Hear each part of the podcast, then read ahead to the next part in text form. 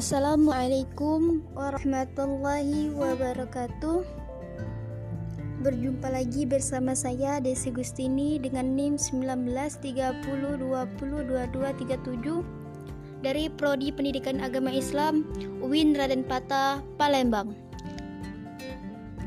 Di sini saya ingin memenuhi tugas mata kuliah pengembangan media dan sumber belajar yang dibimbing oleh Bapak Muhammad Zulfikar MPD.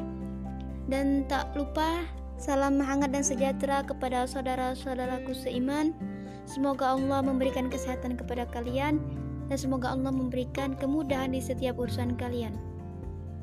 Baiklah teman-teman, di sini saya ingin membawakan tema yaitu tips menjadi anak yang soleha. Soleha. Dulu ketika saya mondok, ustazah saya pernah berkata, Apabila kita ingin memiliki anak yang soleh dan soleha, kita harus mencari pasangan hidup yang soleh dan soleha atau menjadi pasangan hidup yang soleh dan soleha. Karena mengapa? Karena itu merupakan faktor penentu utamanya.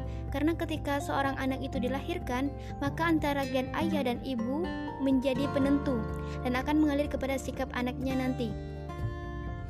Orang tua mana sih yang gak mau ya kan mempunyai anak yang soleh, soleha yang berbakti kepada kedua orang tua, taat beribadah kepada Allah, menjalankan apa yang diperintahkan Allah dan menjauhi larangan oleh Allah. Anak yang soleh dan soleh itu merupakan amalan yang tidak pernah terputus. Adapun amalan yang tidak pernah terputus itu adalah sedekah jahriyah, ilmu yang bermanfaat, anak yang soleh dan soleha. Kenapa sih anak yang soleh dan soleha itu termasuk amalan yang tidak pernah terputus? Karena ketika orang tuanya masih hidup pun mereka sering, sering mendoakan yang baik-baik kepada kedua orang tuanya. Sedangkan ketika orang tuanya meninggal ataupun wafat, mereka sering mendoakan orang tuanya atau mengirimkan Al-Fatihah dan lain-lain sebagainya.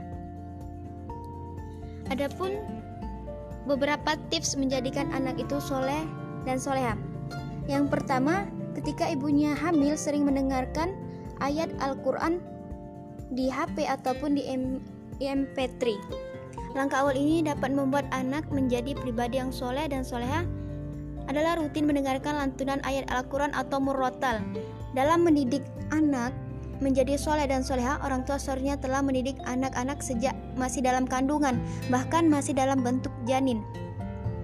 Anak-anak sudah harus diberi stimulasi dengan cara ini, agar menjadi sosok yang religius serta berbakti pada kedua orang tuanya nanti. Dengan rutin mendengarkan lantunan ayat suci Al-Quran, tentu akan membuat pikiran anak menjadi terang dan cerdas. Yang kedua, beribadah dengannya bersama, yaitu seperti mengerjakan sholat bersama dan lain-lain sebagainya. Mendidik anak menjadi soleh dan soleha diawali dengan menekankan atau mendikte, melainkan dengan contoh langsung berupa tindakan. Jadi, sebagai orang tua, berikanlah contoh langsung atau arahan serta dampingi kepada anak-anak dengan berimbang. Berikan contoh nyata pada anaknya yang melakukan seandainya melakukan sholat berjamaah dan lain sebagainya. Yang ketiga, memberikan anak kita makanan yang halal. Mendidik anak agar soleh dan soleh adalah dengan memberikan keluarga kita makanan dan harta yang halal. Jika menemukan jika menemukan segala sesuatu yang haram, maka nantinya akan membuat keluarga menjadi tidak baik dan tidak sedikit orang tua memiliki anak yang nakal menyadari jika mereka telah memberikan anak-anak mereka sesuatu yang haram masuk ke dalam tubuh mereka. Yang keempat, mendatangi majelis-majelis ilmu bersama anak. Yang kelima, Memberikan contoh yang baik kepada anak-anak, jika menginginkan seorang anak yang soleh dan soleha, sebaiknya Anda menjadikan pribadi yang soleh dan soleha, terutama orang tuanya.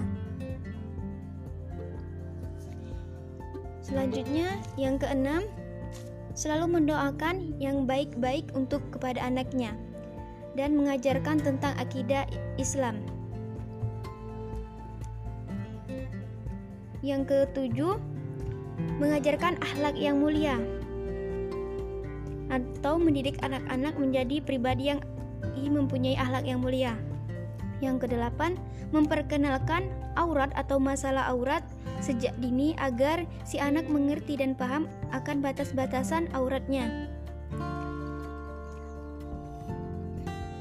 Itulah merupakan cara-cara mendidik anak menurut Islam. Perlu diketahui oleh setiap umat muslim, sebab cara mendidik anak akan bakal berpengaruh kepada akhlak dan masa depan seorang anak. Cara mendidik anak telah diajarkan oleh para tokoh muslim terlebih dahulu seperti Al-Luqman Al-Hakim dan para nabi. Menyayangi anak dilakukan dengan berbagai cara sesuai tingkat perkembangan usianya. Di situ tadi saya telah menyebutkan beberapa tips menjadikan anak yang soleh atau soleha uh, cukup sekian dari saya. Apabila ada kesalahan, saya mohon maaf kepada Allah. Saya mohon ampun. Ilaliko uh, ke ilaliko. Sampai jumpa di episode selanjutnya. Sampai jumpa lagi bersama saya Desi Gustini. Wassalamualaikum warahmatullahi wabarakatuh.